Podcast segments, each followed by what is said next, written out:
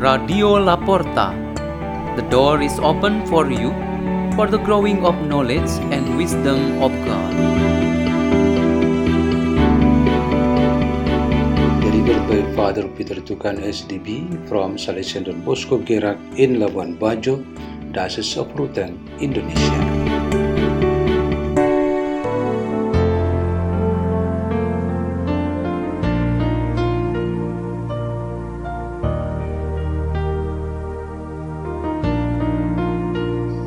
Reading and meditation on the Word of God on Monday of the 10th week in Ordinary Time, 12th of June 2023.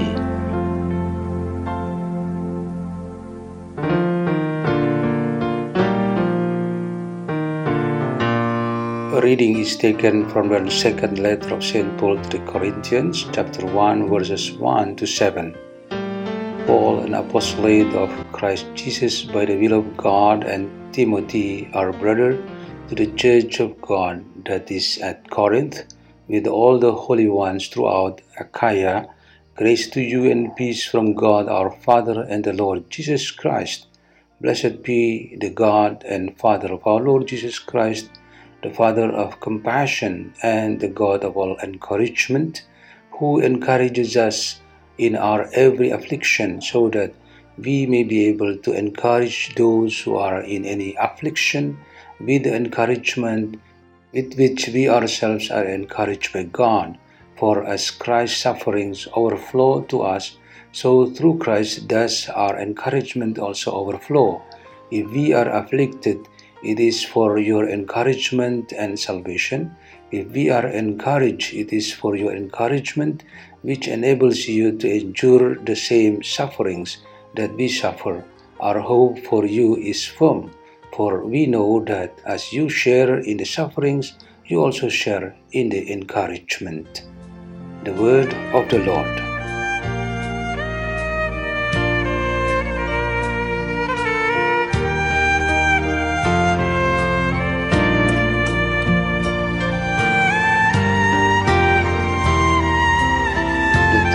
Our meditation today is Comfort Brings Happiness.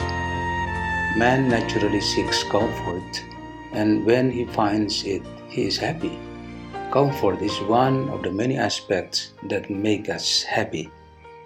But the consolation of bringing this happiness depends on the intentions of each person.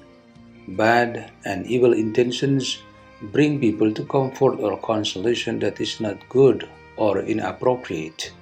Furthermore, the pleasure that is achieved is certainly in accordance with the desires of the flesh or the world, which may be considered as happiness.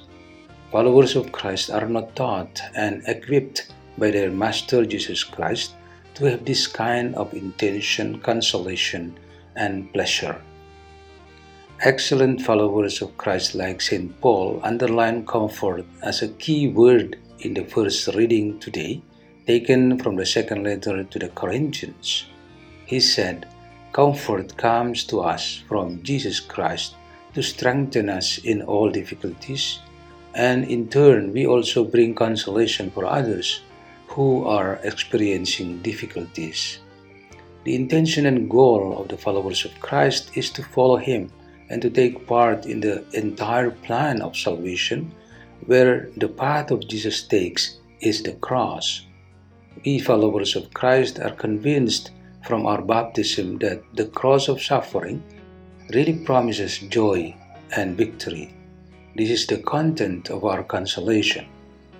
Jesus certainly does not leave or abandon us in all our troubles and suffering in the world. His presence through the Word, the ministry of the Church's sacraments, worship, devotions, and the works of the Church is the main part of consolation for each of His followers. Today He speaks to us to affirm Himself as our comforter. The key word of His word is happiness or blessedness. Consolation from Jesus is for our happiness. There is no other purpose than this one. Consolation must be related to a difficulty or suffering, both physical and mental, from which people seek God for help. For example, after I patiently listened to someone's complaints or outpourings, it was enough for me to share the same feeling on the difficulties he was facing, even though I did not provide any other help except listening to him. It has cheered him up, and a moment of happiness has really been experienced by him. Simple examples and many other ways like this we can do in any opportunity we have because in this way we really do something to bring comfort to others. Let us pray. In the name of the Father, and of the Son, and of the Holy Spirit, Amen. Through this word that we hear and meditate on, O Lord Jesus Christ, kindle our enthusiasm so that we can play an active and real role in providing comfort to our neighbors who really need it. Our Father who art in heaven, hallowed be thy name, thy kingdom come, thy will be done on earth as it is in heaven. Give us this day our daily bread and forgive us our trespasses as we forgive those who trespass against us. And lead us not into temptation, but deliver us from evil. Amen. In the name of the Father, and of the Son, and of the Holy Spirit. Amen. Radio La Porta. The door is open for you.